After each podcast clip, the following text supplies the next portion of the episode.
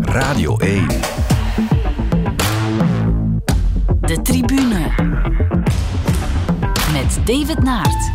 Goedenavond en welkom in een nieuwe aflevering van De Tribune. Een aflevering die grotendeels in het teken zal staan van voetbal. Voetbal met een paars-witte kleur, want een van mijn gasten is Peter Verbeke, CEO van Anderlecht. Dag Peter. Dag David. En je krijgt het uh, gezelschap van een andere Peter, onze voetbalman Peter van den Bent. Dag Peter. Goedenavond. Uh, Peter Verbeke, is het bij jou al voetbal wat de klok slaat? Of zijn er toch andere sporten die jou nog kunnen bekoren?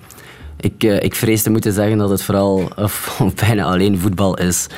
Um, ik had onlangs nog een, een, gesprek met onze coach ook. En, en die zei... Um, Peter, wij zijn eigenlijk twee debielen aan het worden. Uh, wij lezen niet meer. Wij kijken geen andere programma's meer. Uh, wij leren niet meer bij, behalve over voetbal. En het is echt voetbal, voetbal, voetbal. En ik ben er niet trots op hoor, maar uh, het, er blijft gewoon geen tijd meer over. Ja, Peter, heb jij nog tijd voor Instagram-stories? Wanneer kunnen we er nog eentje verwachten?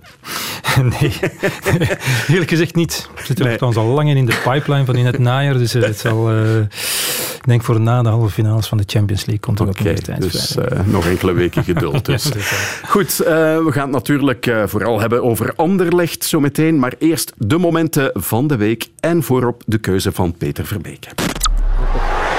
Gordon will get a shot away. It's deflected in. Everton are in front. Anthony Gordon. What a big goal that could be. Everton's first real strike on target in the game. Their first effort on goal. It results in an effort finding the back of the nets. It's a big and all right.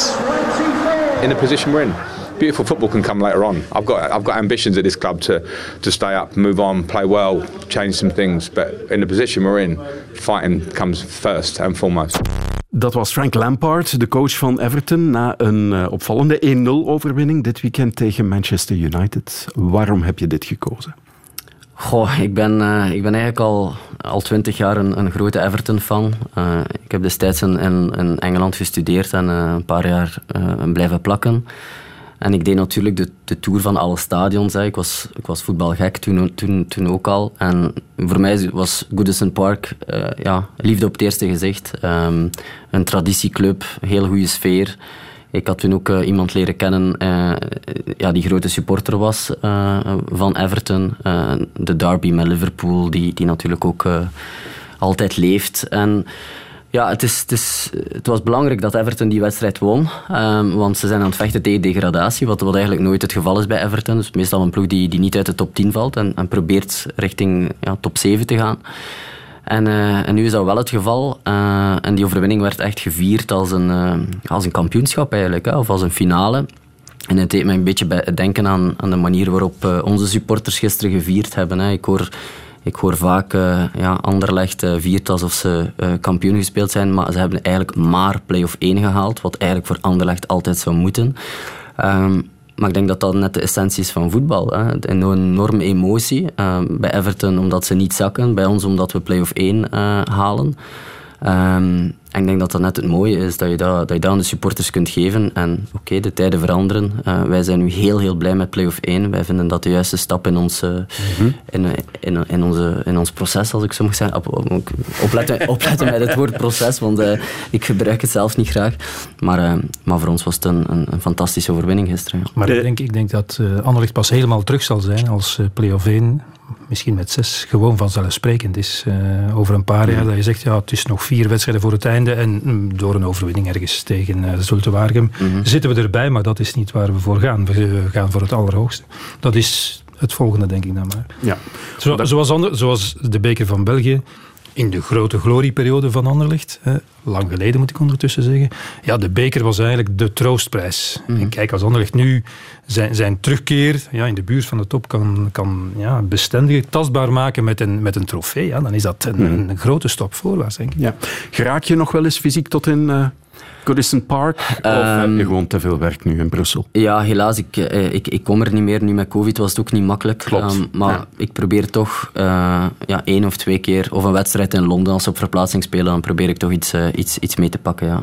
Mm -hmm. Maar het, het komt er te weinig van. Ehm, de, de meter van mijn, van mijn dochter woont in Liverpool, uh, dus ze komt waarschijnlijk uh, naar de bekerfinale. Maar ik zou heel dringend nog eens uh, op Goodison willen, willen komen. Ja. ja, dat wensen we je dan toe. Um, is het niet dit seizoen, dan volgend seizoen. Hè? Dan gaan we naar het moment luisteren van Peter van den Bent. Sorprende que haya sido Pedri y no Gavi, que es el que suele jugar con las botas desatadas. ¡Oh!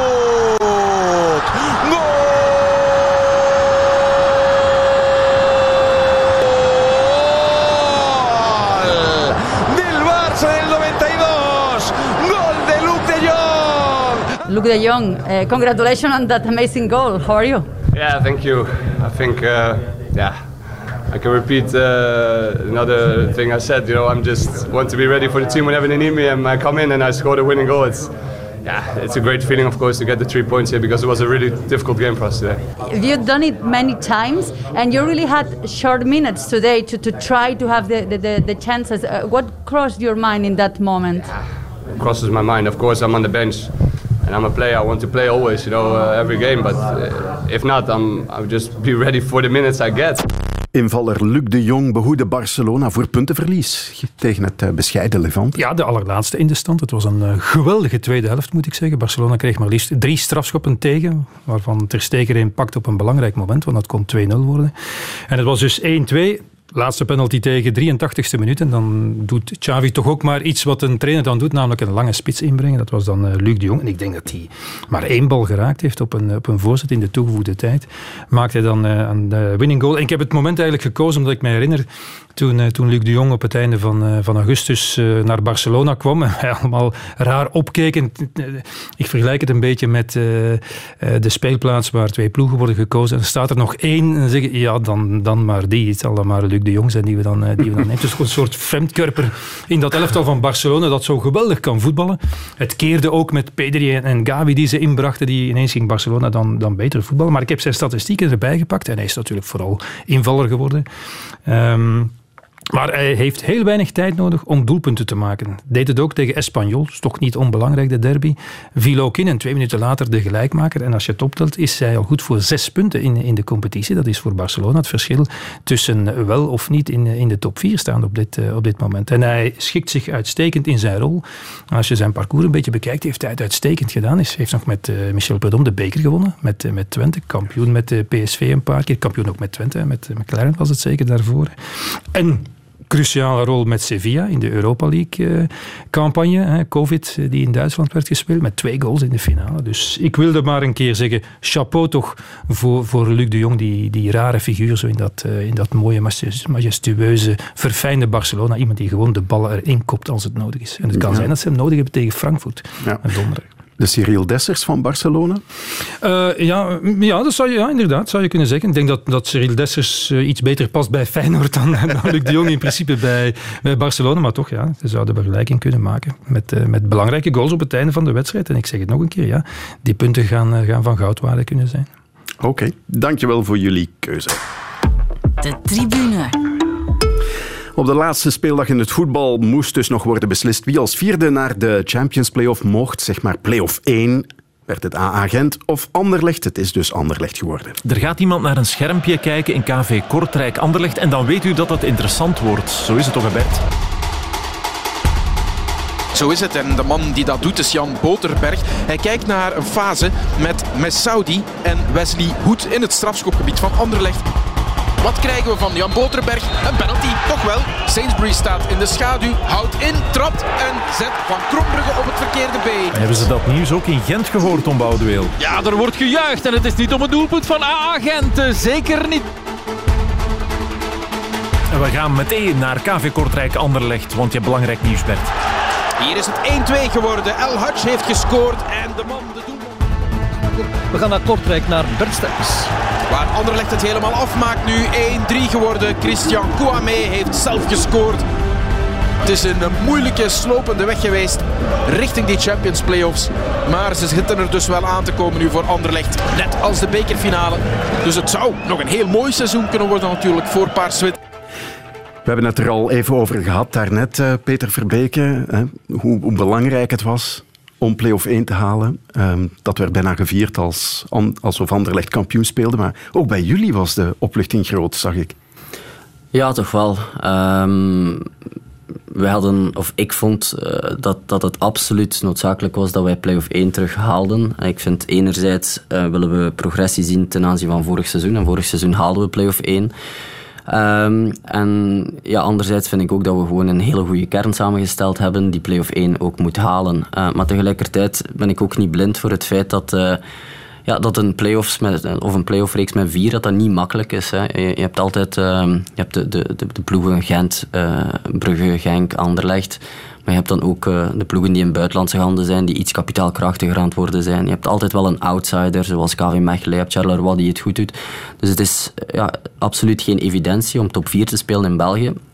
Um, en ik denk de downside van dat systeem van vier, en er zijn andere mensen die nu maar moeten nadenken over het format voor de toekomst, maar dan, dan zie je dat ploegen zoals Gent eruit vallen. Dat is eigenlijk heel jammer voor Belgische voetbal. Um, omdat die kwalitatief absoluut erbij uh, horen en omdat wedstrijden tegen A-Gent uh, ja, gewoon een meerwaarde zijn uh, in de play-offs. Dus het is, het is jammer dat het eh, ja, dat, het, dat het zo spannend moet zijn om die, eh, om die play-off 1 te halen. Maar voor ons was het dus ja, een enorme oplichting, omdat het uh, ja, gewoon aangeeft dat we, dat we op de goede weg zijn. En ik, ik, Wouter vroeg mij gisteren namiddag uh, welke wedstrijd zou je, zou je het liefste winnen, die play-off 1 of die beker. Um, en ik moest, niet, ik moest eigenlijk niet twijfelen, hoewel ik weet dat dat financieel gezien niet de juiste keuze is van mij. Maar ik, ik wou gewoon die wedstrijd gisteren veel liever winnen dan de bekerfinale. Toch, ja? Ah, ja. Ik zou denken het omgekeerd. Nee, Precies nee. wat ik zei, dat, dat, uh, ik weet dat, uh, dat uh, Van der Houten al wel eens vorig jaar voor de groep heeft gezegd, voor de, de halve finale tegen Racing Genk. Ja, this club needs a trophy. Ja. Dat we dat straks hebben gezegd, gewoon maar om het tastbaar te maken dat het weer de goede kant uitgaat. Dus ik dacht, als ze mogen kiezen, dan toch maar bekerwinst, want dat betekent meteen ook mm. dat je sowieso Absoluut. poelenfase uh, Europees voetbal hebt tot ja. nieuwjaar. Ja. Europa nee, of desnoods. Dus vandaar dat ik zeg, Peter, financieel gezien is het niet de juiste keuze van mij. Ik snap ook wel dat die, dat die beker belangrijk is, dat het Europees voetbal belangrijk is. Maar voor mij, het is ons tweede seizoen op Anderlecht en ik wil altijd progressie zien. En een beker winnen, dat is heel mooi, maar dat toont niet noodzakelijk aan dat je progressie gemaakt hebt. Um, terwijl opnieuw play-off 1 halen, toont wel aan dat je progressie maakt. Vorig jaar waren we vierde, nu zijn we derde. En het zullen moeilijke play-offs worden, hè, of, of het zullen spannende play-offs worden. Maar voor mij is dat een teken dat we een stap vooruit gezet hebben. Terwijl een bekerfinale is fantastisch en heel belangrijk voor de club. Maar voor mij niet direct de waardemeter of de graadmeter of dat je nu al niet progressie gemaakt hebt. Uh, ja. Ja, maar jij was wel overtuigd van, kijk, met de kern die we nu hebben samengesteld, oké, okay, het was wel weer een beetje opnieuw beginnen, hè, met meer nieuwe jongens, maar ja, moet het wel play-off 1 zijn, hoe dan ook, uh, ongeacht wat, uh, wat de ja, concurrentie doet. Ik vind dat wel, ja. Ik vind de, de kern die wij hebben, de kwaliteit waarover we beschikken, uh, ervaring, jonge talenten, echt een hele goede mix. Ik vind dat we ja, absoluut thuis horen in, die, in play-off 1 en dat we ook moeten proberen om een rol te spelen in play-off 1. Um, het excuus en is, dat is een terecht excuus dat we uh, in een situatie zijn waarbij dat we nu twee seizoenen na elkaar opnieuw moeten beginnen bouwen vanaf nul. Uh, heel veel nieuwe spelers inpassen. Uh, dat is een excuus die geldt de eerste maand van het seizoen. Mm-hmm. bijvoorbeeld de wedstrijd tegen Union op de openingsspeeldag of de wedstrijd zelfs tegen Vitesse. Daar kan ik nog mee leven. Maar het moment dat je uh, ja, dat, die, dat, dat, dat, die, dat die ploeg elkaar begint te kennen, dat die spelers er zijn, dan vind ik wel dat we de kwaliteit hebben om, uh, om, om een play-off 1... Uh, de trainer heeft wat iets langer nog als aangehaald, toch? Om, om voor de wisselvalligheid die, die nog heel lang in het spel zat veranderd. Soms goed, soms een heel stuk minder. Onze, onze coach geeft vaak aan, en ik, en, en ik volg hem daar, dat uh, Anderlecht niet meer uh, het twee- of het driedubbele budget heeft van de andere clubs en geen twee of drie gouden schoenen. Hè. Dus dat is, dat is wat dat hij vaak aanhaalt. Ja. Hij heeft daar natuurlijk wel een punt. Hè. Um, als je ja, als je kijkt naar de transfersommen die wij nu, uh, Wouter, Wouter en ik zelf zijn nu vier transferperiodes bij Anderlecht. Uh, wij hebben uh, om en bij de 16 miljoen gespendeerd. Ja, ik denk dat, dat Gent bijna het dubbele heeft en Club Brugge bijna het vierdubbele. Dus wij zitten inderdaad niet in de situatie waarbij dat we het, een, een groter budget hebben dan de rest. Meer zelfs, we hebben, we hebben eigenlijk op dit moment, een, we spenderen veel minder. Pas op, dat mag geen excuus zijn, wij mogen daar geen Calimero in zijn, maar het is wel de realiteit waarin dat we werken. En dan volg ik de coach wel als hij dat af en toe aanhaalt. Alleen, Peter. Dan mag je aanhalen tegen Club Brugge en tegen Antwerpen en tegen Gent. Ja. Maar we hebben ook ja, wedstrijden. Uh, KV Kortrijk, um. OHL, STVV. Uh, en, en dan helpt dat argument natuurlijk niet. Hè? En, en, en daar vind ik wel dat we de lat mogen hoog leggen voor ons en dat we tegen die ploegen, met de kwaliteit van de kern, dat we daar echt wel... Uh, ja, dat we daar mogen zeggen dat we, dat we verwachten dat we die wedstrijden kunnen winnen. Ja, dat is eigenlijk omgekeerd. De, de, zijn beste wedstrijden speelde Anderlecht twee keer tegen Club Brugge. Mm Had je eigenlijk twee keer kunnen winnen. Okay, ja. Op Antwerpen was, was een slechte wedstrijd. Een slechte tegen Genk bijvoorbeeld een goede wedstrijd gespeeld, toch verloren. Dus ja, de, de, de betere ploegen haalden ook het beste Anderlecht boven. Ja, maar goed, ik denk wel en iedereen met mij, denk ik, ziet een enorme progressie in, in, in, deze ploeg. Um, en dat is, dat is absoluut uh, de verdienste van onze coach en van, van de hele staf. Um, en ja, laten we gewoon hopen dat we hebben nu um, play-off 1 binnen. Laten we hopen dat we die progressie nu kunnen verder zetten in de volgende zeven wedstrijden. En we hebben getoond dat we in de competitie de evenknie zijn van Club Brugge, tweemaal gelijk gespeeld. Eigenlijk ook de evenknie zijn van Antwerp, gelijk gespeeld en gewonnen. Alleen Union hebben we 0 op 6 gehaald en dat moeten we zo snel mogelijk rechtzetten. Want daar gaat het argument dus niet op uh, dat Union uh, veel meer cent heeft dan Pas op, ja. Union is ook een ploeg als je... Ja, Kozlovski uh, heeft 10 miljoen gekost, of 11 miljoen gekost. Dus de, de, tijden dat Union alleen nog kleine spelers haalde, is ook al voorbij. Maar toch hebben we daar eigenlijk weinig excuses. Ja, vooraf werd er gisteren gezegd, ja, Anderlecht gaat play-off niet meer uit handen geven. En dan wordt dat toch moeilijk, die wedstrijd. Hoe komt dat? Ik, ik, ik heb altijd gedacht dat het moeilijk zou worden. Mm -hmm. hoe komt dat? Um, ik, ik heb deze morgen ook de column van Peter gelezen, hè, dat, we, dat we door de ondergrens gezakt zijn in de eerste helft. En ik denk dat hij daar uh, absoluut uh, ja, de vinger op de wonden legt. Hè, dat, dat er nog te vaak bij ons een, een groot verschil is tussen onze hele goede momenten en onze mindere momenten, die dan heel, heel zwak zijn. Um, tegelijkertijd, en ik weet, ik, ik, weet dat we daarmee moeten opletten en, en dat we zeker geen Calimero mogen spelen, maar uh, het soort voetbal die wij willen brengen, het, uh, het, combinatie, het snelle combinatievoetbal, uh, daar heb je wel een, een, een goed veld voor nodig. Mm -hmm. um, en ik vind dat, we, en dus zeker geen, geen, geen vingerwijzing naar één ploeg. Maar wij moeten er, vind ik, vanuit de Pro League alles aan doen om het product voetbal naar een, naar een hoger niveau te tillen. En dat begint met een perfect veld voor elke eerste klasser. Dat is voor mij ja, de absolute noodzaak om goed voetbal te zien. Waarbij er heel duidelijk aangegeven wordt uh, wat de vereisten van een veld zijn, wanneer er moet gesproeid worden enzovoort. En dat was gewoon heel moeilijk, uh, voetballen gisteren.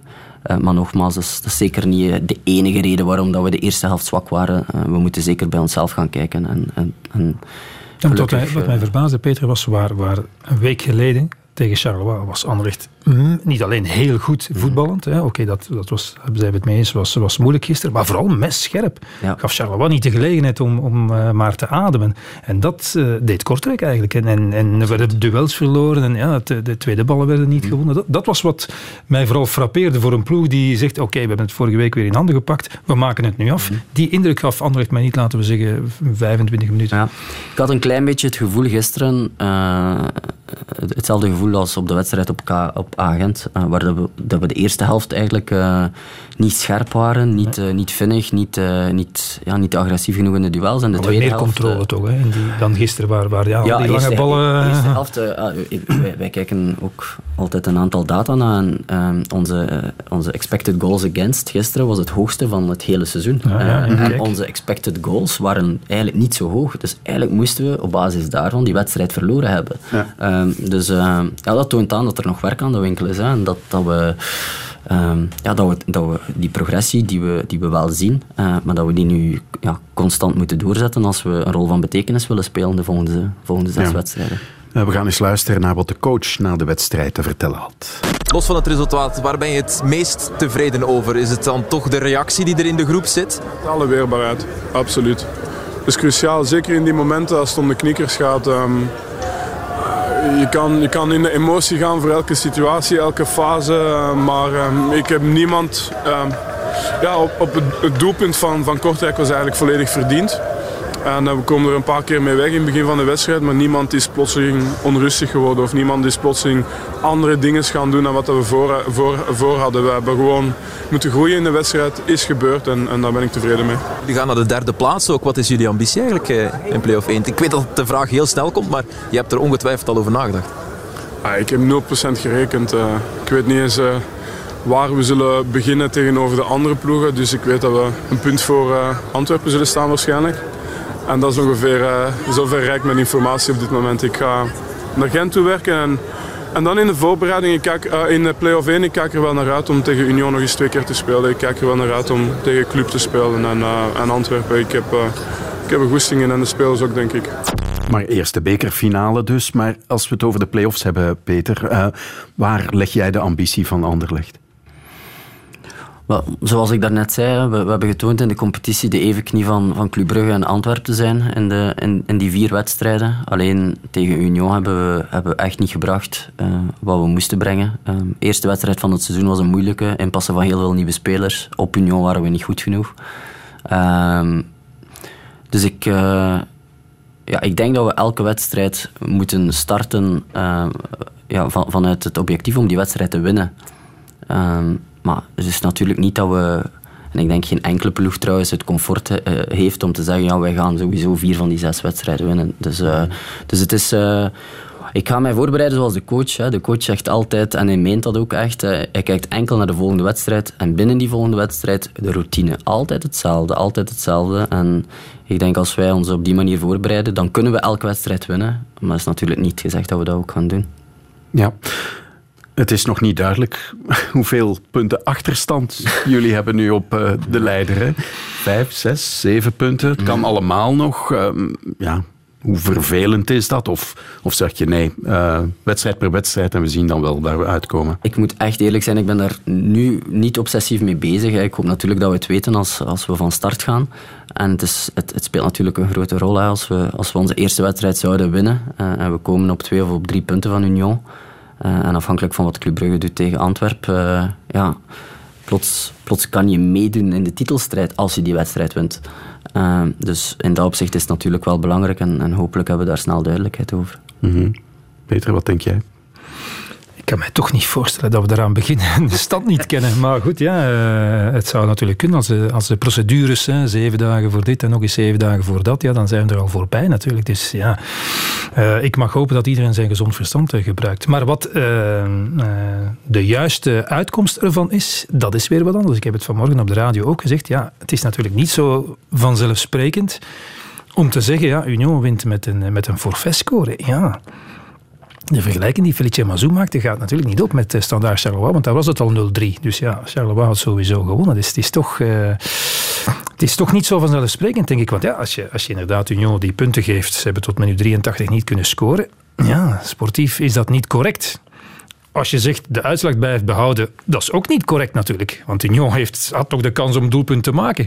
En zelfs ja, als je uh, maandag die uh, 7 of 8 minuten en toegevoegde tijd gaat spelen, ook dat is niet helemaal hetzelfde. Enfin, ik heb het al een keer gezegd. Dus het is, het is moeilijk. Ik was toch een beetje verbaasd over uh, de snelheid waarmee er een punt werd achtergezet. En ik was er natuurlijk niet. Ik heb alleen maar mm -hmm. s'avonds de beelden op televisie gezien. Maar ik weet niet of dat inderdaad zo'n bedreigende situatie was dat er absoluut niet meer na een kwartiertje of twintig minuten verder kon gevoetbald worden. Goed, ik ben natuurlijk geen uh, uh, verantwoordelijke van de politie om dat, om dat in te schatten, maar het was niet dat er 300 man op het veld liep of dat het uh, veld in brand stond. Dus ik weet niet of het niet opgelost had kunnen worden. Ik zou in hun plaats er toch in de wetenschap van het is de laatste wedstrijd van het seizoen. We moeten toch zorgen dat we straks een, een correcte uitslag hebben. Misschien toch iets meer hebben geprobeerd om, om die wedstrijd nog, nog uit te spelen. Ja, laten we hopen dat dat uh, snel uitgeklaard wordt. A-agent, je hebt Peter daarnet de, de lof gezongen, hè, 25 op 27, voor de ploeg van Hein van Hazenbroek, die na zijn niet-kwalificatie voor play-off 1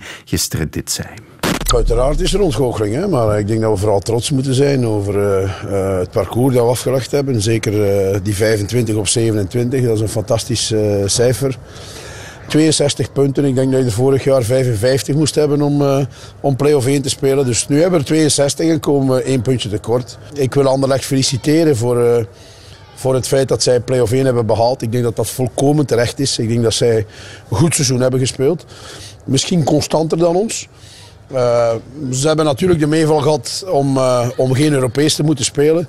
Uh, maar daar wil ik mij niet mee achterweg steken, want wij willen absoluut Europees spelen. Dus die matchen, die vele matchen, die wil ik absoluut erbij hebben. Dus wat dat betreft, felicitaties aan, aan Anderlecht. Ik vermoed dat jij dat niet als een meevaller uh, ziet, die vroege Europese uitschakeling van Anderlecht, of toch? Nee, absoluut niet. Hè. Wij willen ook liefst zoveel mogelijk wedstrijden spelen. Maar ik, ik, ik vind het mooi dat hij dit niet als een excuus gebruikt. Want het is natuurlijk... Ja, een overvolle kalender afwerken is, is, is, is, is moeilijker dan, uh, dan iets minder wedstrijden hebben. En uh, dat is mooi dat hij dat niet als excuus gebruikt.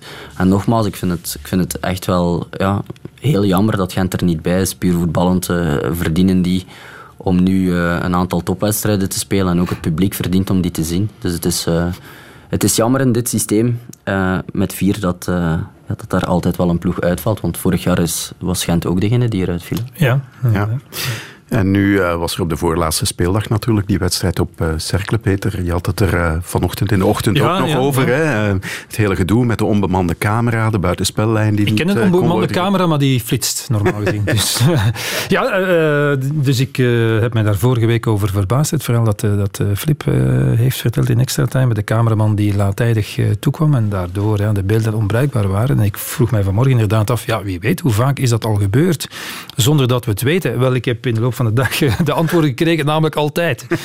het is te zeggen, een wedstrijd die gecapteerd wordt, laat ik mij uitleggen door mensen in de field, met vijf camera's, ja, daar is dat altijd. En dat had niets te maken met de, de huldiging, zal ik maar zeggen, of, of de, de viering voor, voor Miguel van Damme.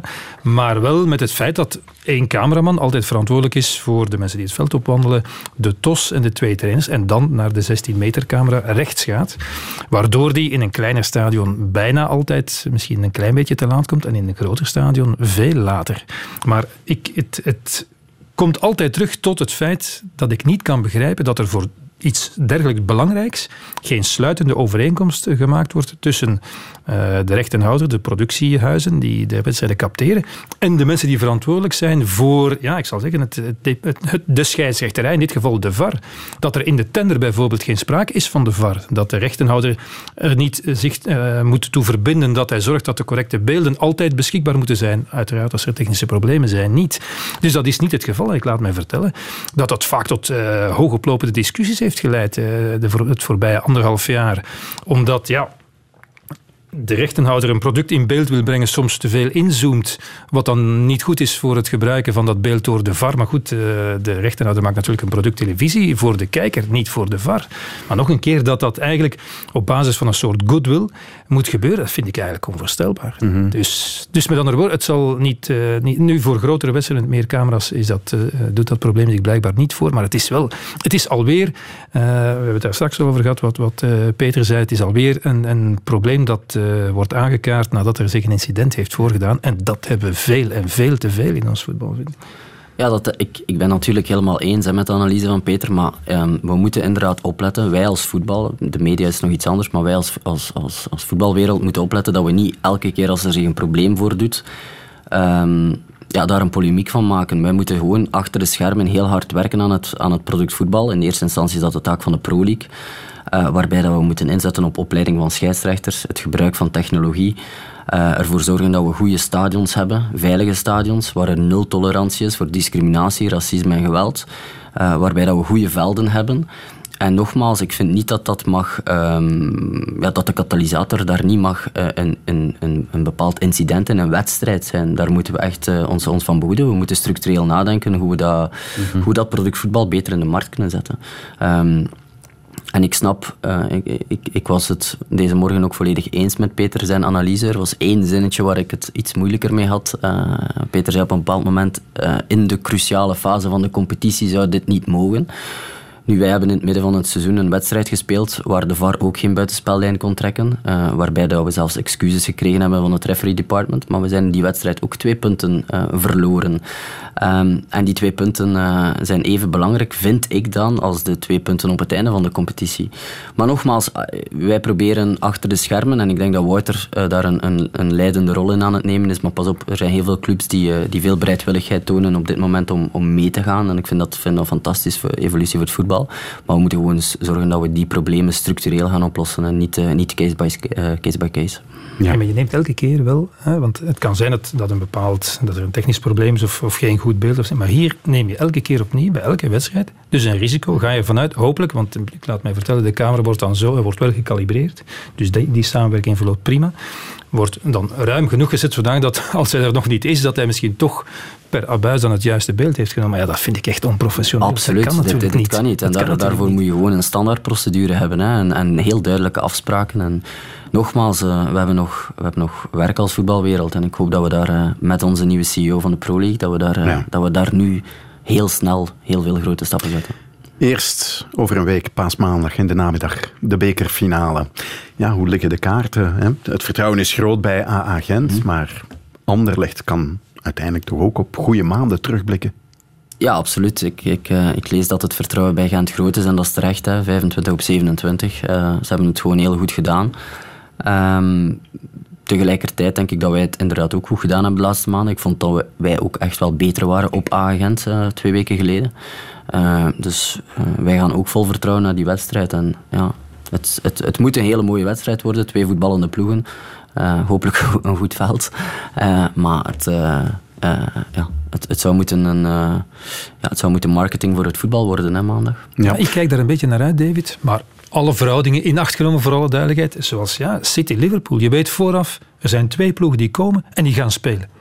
Hè, Die, hè, die gaan spelen, die gaan aanvallen. En, en de ene, oké, de ene kan een slechtere dag hebben dan de ander, dat is iets anders. Maar je weet wel, twee trainers die willen aanvallen, die, die het product voetbal willen promoten en die willen winnen en gaan aanvallen. Dus ik kijk daar ongelooflijk naar uit, naar die bekerfinale. Overigens de laatste tussen Agent en Anderlecht was ook een spektakelstuk. hè. Uiteindelijk nog gewonnen door, door Anderlecht. Dus eh, ja, ik kijk daar echt naar uit. En nog eens, alle verhoudingen in acht genomen, is dat iets wat, wat bij wijze van spreken bijna een goede wedstrijd moet garanderen. Ja. Wat heeft nu het verschil gemaakt, eh, Peter, sinds de winterstop? Want eh, je gaf een interview, ik denk in december, waarin het vooral ook vaak ook ging over de ups en downs van Anderlecht in die eerste seizoenshelft. Wat, wat heeft nu dat doen kantelen? De vaste ploeg die er staat? Goh. ehm, deels, deels zal die stabiliteit en het feit dat er toch meer en meer automatismen zijn, want het voetbal van Vincent, eh, de manier waarop wij tactisch spelen, heeft, eh, hangt heel hard af van automatismes. Vincent rekent niet op de individuele klasse van een speler. Vincent wil terugkerende patronen zien, eh, zowel aanvallend als verdedigend. En natuurlijk, hoe verder je komt op het seizoen, hoe beter die patronen erin, erin geslepen worden. We hebben, we hebben vooral de maand november en de maand januari ehm, ja, eh, ondergepresteerd, als ik het zo mag zeggen. En dan inderdaad, eh, vanaf februari zijn we, zijn we goed beginnen presteren. Hè. We hebben... eh, eh, behalve op Gent en op OHL eh, punten verloren.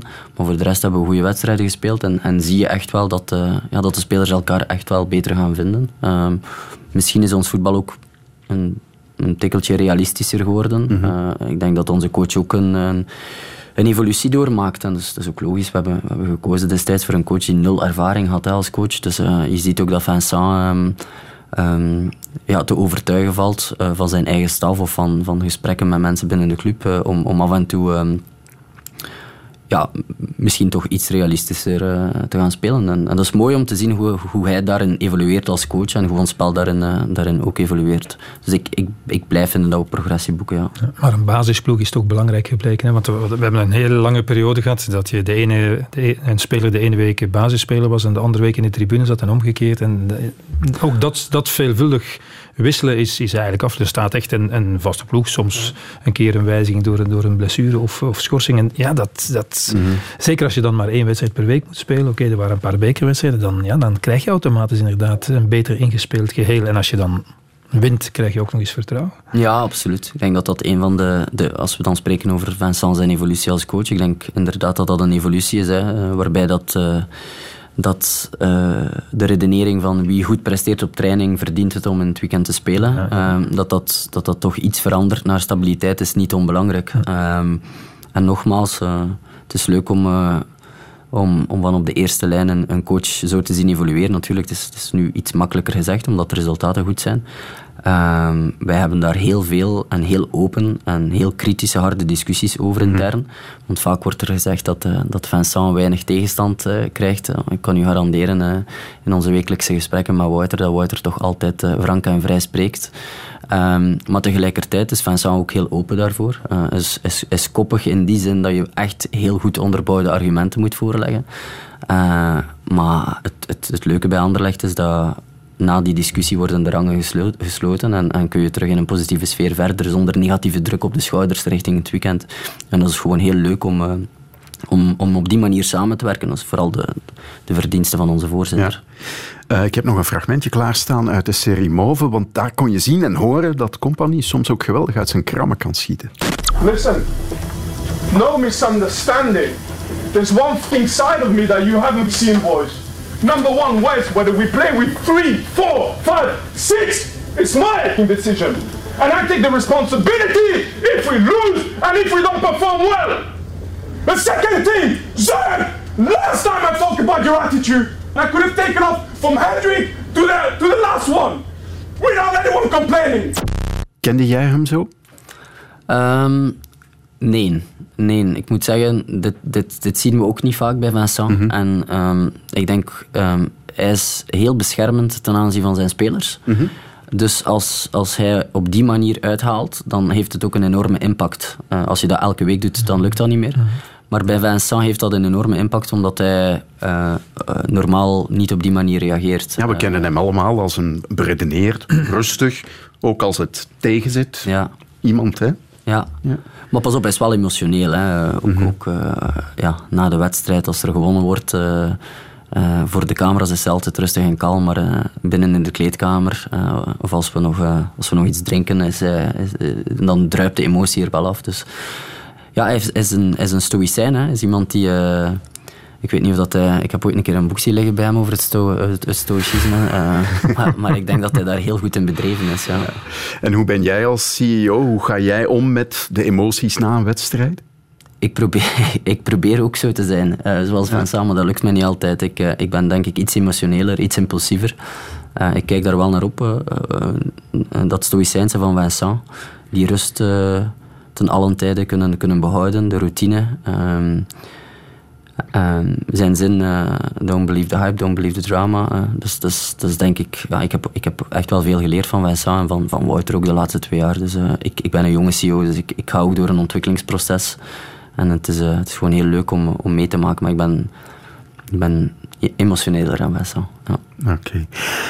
Ik eh, wil het over enkele van de spelers hebben, de sleutelfiguren eh, in, in dat basiselftal van Anderlecht. Ja, de jongste maanden wordt vooral en vaak de lof gezongen van het aanvallend duo. Uh, Zirkzee Kouamé, ja, zeer logisch denk ik, Peter. Ja, en ik eh, Gert Verheijister de, de vraag toe. Ja, als je moet kiezen, hè, je, anders kan ze niet allebei proberen te halen voor volgend seizoen. Ja, wie moet je dan, eh, wie moet je dan nemen? Dat was eigenlijk in het begin van de wedstrijd, denk ik. Op, het einde, op het einde waren we er eigenlijk uit. Ja, misschien dan toch maar, dan misschien dan toch maar. Ja, maar tegelijkertijd zeg je, ja, als je voor het grote talent gaat, ja, Zirkzee heeft meer talent, tussen aanhalingstekens. Alleen ja, de manier waarop Kouamé, vind ik, belangrijk was in voor Anderlecht in het over het dode punt heen tillen door zijn werkkracht en ijver en duels aangaan, een bal bijhouden en blijven knokken. Ja, dat doet hij dan beter en meer dan Zirkzee, maar die heeft natuurlijk wel meteen gelijk gemaakt op een, op een belangrijk moment. Dus ja, eh, uiteraard, die spitsen. Ik, eh, ik had gelezen dat het van september geleden was dat, eh, dat Anderlecht nog gewonnen had zonder dat een van de twee betrokken was bij een doelpunt, met een doelpunt of een assist, de 0-1 op, op standaard. Dus ja, daarmee is, het, is alles gezegd natuurlijk. Peter? Ehm, dat is natuurlijk een moeilijke. Hè. We, hebben twee, we, hebben twee, we hebben drie, eigenlijk vier heel goede spitsen. We hebben Mario Struikens, een, een, een, een toptalent die aan het komen is, pas 17 jaar. Benito Raman eh, is, is eh, als je kijkt naar eh, het verhouding aantal minuten, doelpunten, fantastisch. En, en ligt ook echt heel goed in de groep, is, staat altijd klaar. Dus die jongen ja, is eigenlijk een hele heel blij met die transfer, laat ons zo zeggen. En ik hoop dat hij ons de volgende jaren ook nog eh, serieus zal helpen. Maar natuurlijk, de twee spitsen die nu het meeste spelen, uh, ja, Zirkzee en Kouame, die doen het heel goed. Die zijn heel complementair, zoals Peter ook zegt. Hè. Enerzijds heb je Kouame die loopt en loopt en loopt en gaten trekt. En dan heb je Zirkzee die eerder in de bal komt en, en, en de creativiteit heeft. Dus... Um, ja, en, en, ik zou zeggen een absolute pluim voor onze scouts, die, uh, die heel hard doorgeduwd hebben uh, voor die twee spelers. Uh, maar tegelijkertijd zijn het twee gehuurde spelers en wordt het heel moeilijk om die volgend seizoen bij ons te houden. Dus ehm, ik, ik, ik, eh, ik hoor graag dat Peter de vraag stelt wie zou je houden, maar ik, ik, ik, eh, ik, de vraag is wie kan je houden. Hè? En ik denk dat dat, eh, dat zal natuurlijk afhangen van onze resultaten nu. Het Europese voetbalverhaal zal daar ook niet onbelangrijk in zijn. Maar ik denk, eh, ik denk dat het heel moeilijk wordt om die te houden, ja. Dus dan zijn, zijn jullie nu eigenlijk al bezig met eh, wie kunnen we dan voor volgend seizoen halen en misschien dan toch proberen om hem te kopen.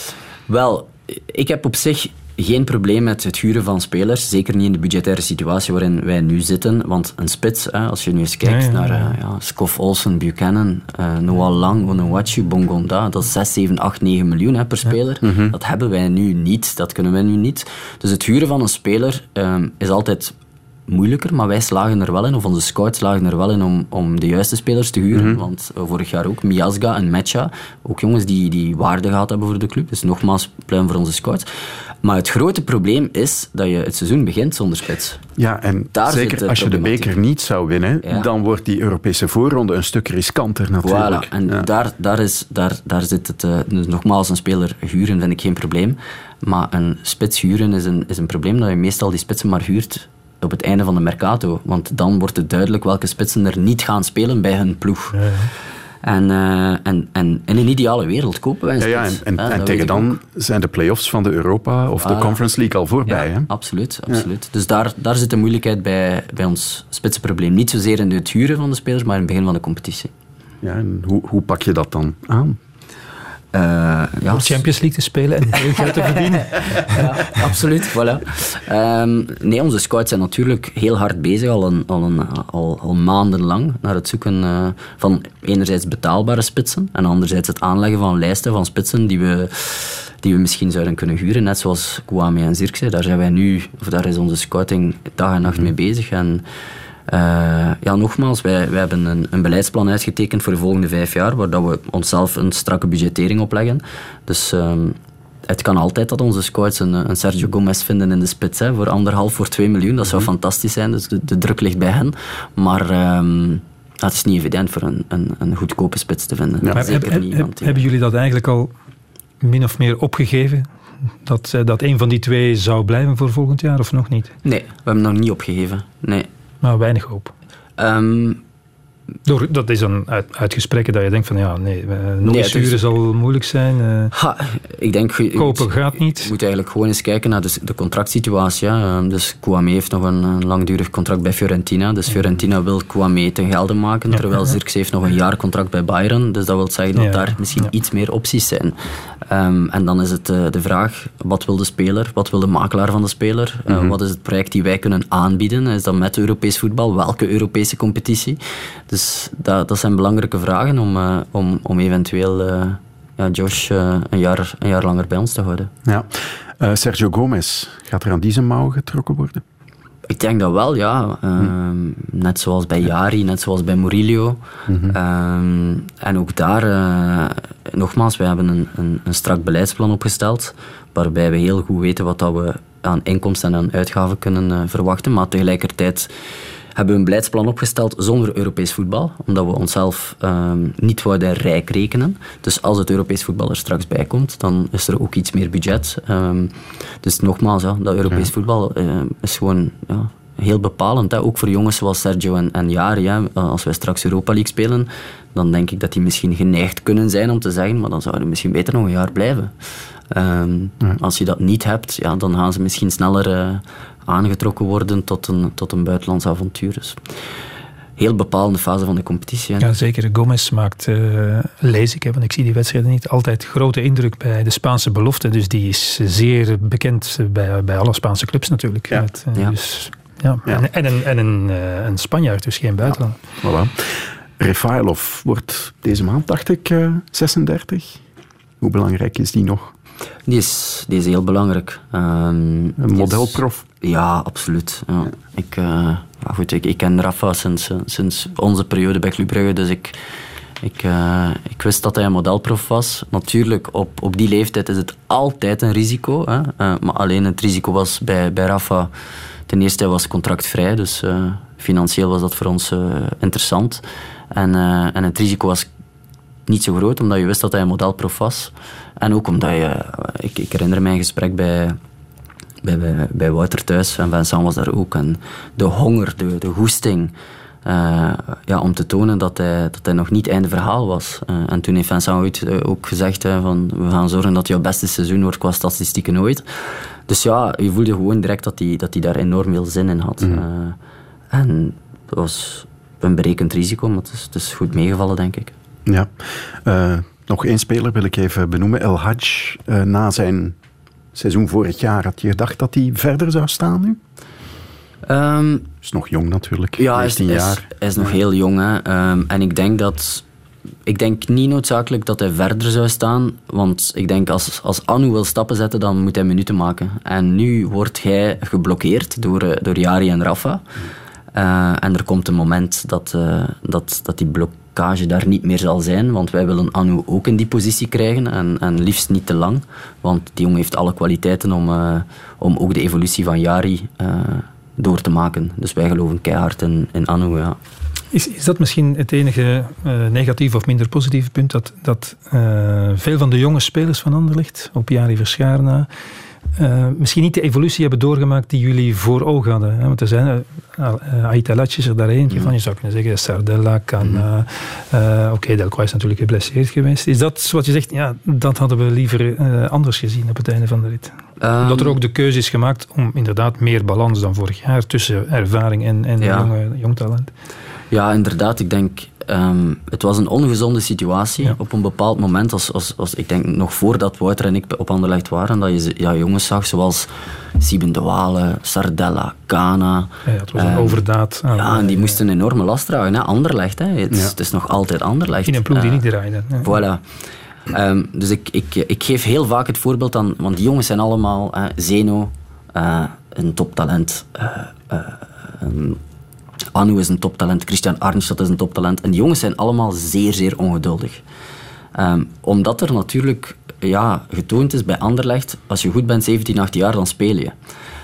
Ik vind dat persoonlijk, een, een, een, en ik probeer dat ook altijd uit te leggen, een heel slechte redenering. Want je ziet dat eh, die jongens die op 20, 21 komen, dat dat perfect is, die leeftijd. Dat moet niet op 17, 18 zijn. Sergio Gomez speelde vorig seizoen bij Huesca, die gezakt is in La Liga. En die heeft vier keer in de basis gestaan.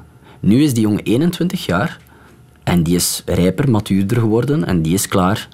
Dus waarom zouden wij bij Anderlecht eh, die druk moeten leggen dat die jongens op 17, 18 klaar zijn? Dus wij mogen dat niet doen, maar die jongens en die makelaars moeten natuurlijk ook zelf die druk wegnemen van die spelers, dat het niet noodzakelijk zo is dat je op 18 jaar alles moet spelen bij Anderlecht.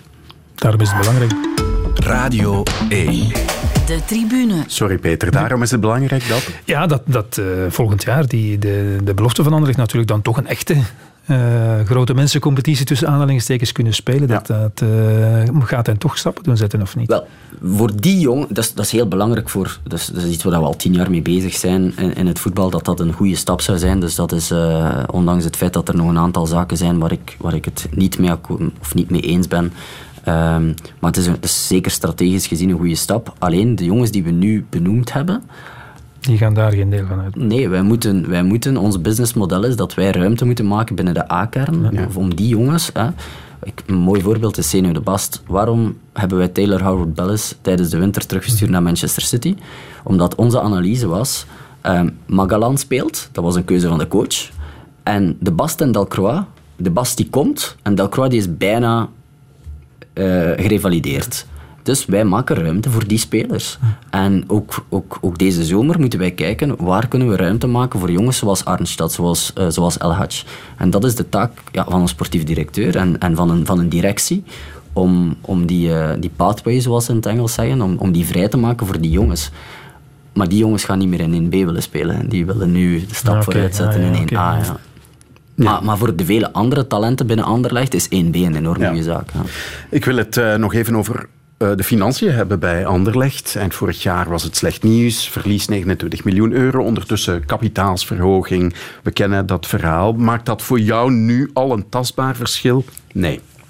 Nee, die kapitaalsverhoging was, was absoluut noodzakelijk omdat ons eh, eigen vermogen negatief geworden was en dat dient eigenlijk als aanzuivering daarop. Tegelijkertijd, het verse kapitaal zorgt er ook voor dat wij een businessplan hebben kunnen maken op, op, op vijf jaar tijd, maar waar een heel strakke budgettering in zit. Ik heb destijds ook gezegd, wij zullen waarschijnlijk ook de volgende jaren de club blijven die het minste uitgeeft van de top vijf. En uh, zoals het plan nu op tafel ligt, is dat ook zo. Natuurlijk, een plan is, is, is ook maar een plan. En uh, ja, ik kijk dan vooral naar, naar Wouter en naar onze raad van bestuur. Uh, als daar, uh, als daar ooit uh, een, een, wijziging zou komen, dan zal het van hen, van hen uit moeten zijn. En natuurlijk ook het Europese voetbal uh, en, en, de financiering die daarbij komt, zal ook een grote rol spelen. Maar op dit moment doen wij het binnen die contouren en ik ben daar heel gelukkig mee. Het is niet altijd makkelijk werken en soms denk je ook van verdoemen, die spits zou wel goed passen bij ons, maar dat is iets te duur.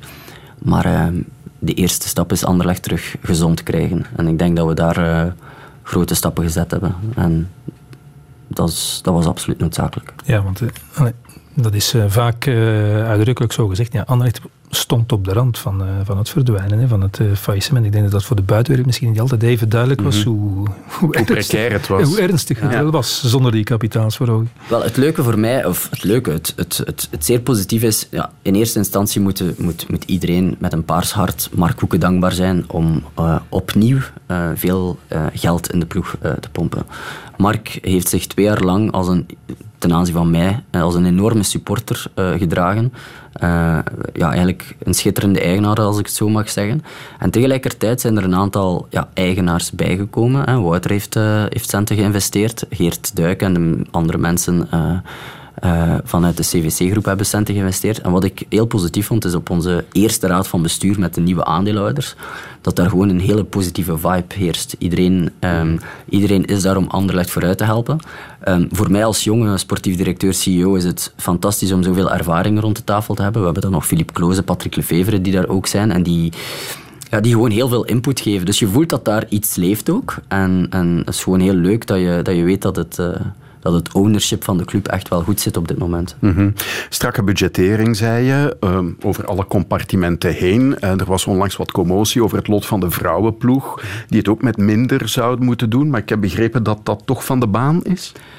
Wel kijk, ons, ons, ons beleidsplan houdt in dat we overal moeten budgetteren. Overal moeten we besparen. We moeten, uh, we moeten gewoon ja, besparen.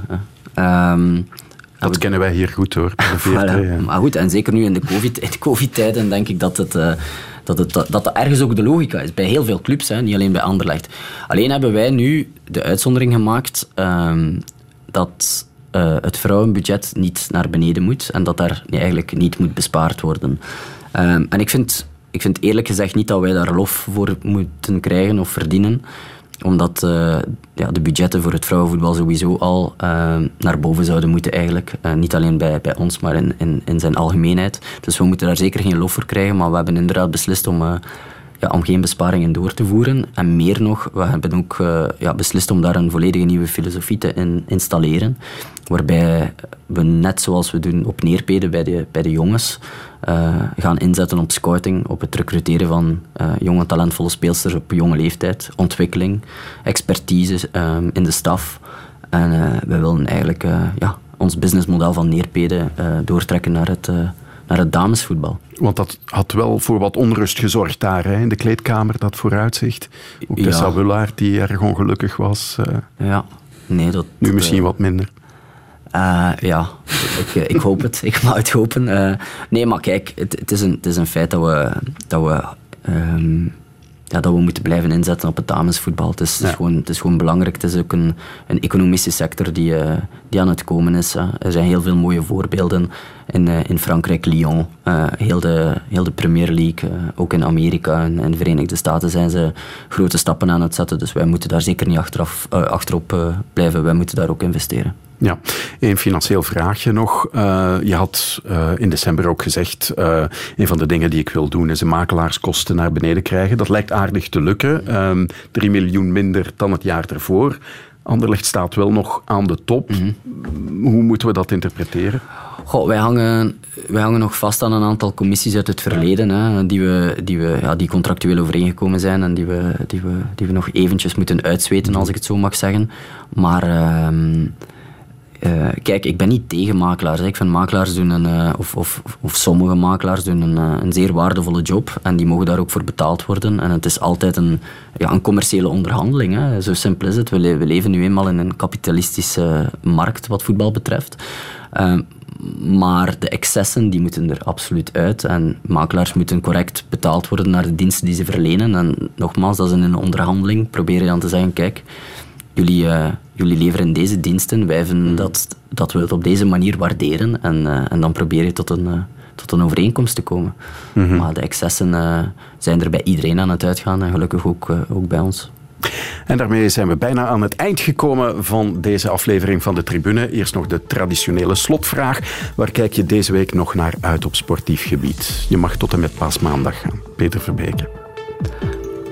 Tot en met paasmaandag. Oké, okay, maar dat is een Binnenkopper, hè? Ja, binnenkopper. De finale natuurlijk. En ik hoop dat Peter gelijk krijgt en dat we een hele mooie wedstrijd zien. Peter? Ik ga een weekje naar Spanje. Dus uh, twee keer Madrid, uh, Real, Chelsea en daarna nog Barcelona. En ik waarschuw de supporters van Real. Ze hebben een keer 0-3 gewonnen op het veld van Juventus. En het was nog helemaal op het einde bijna fout gelopen. Dus, opgelet. Dit was de tribune. Tot de volgende keer.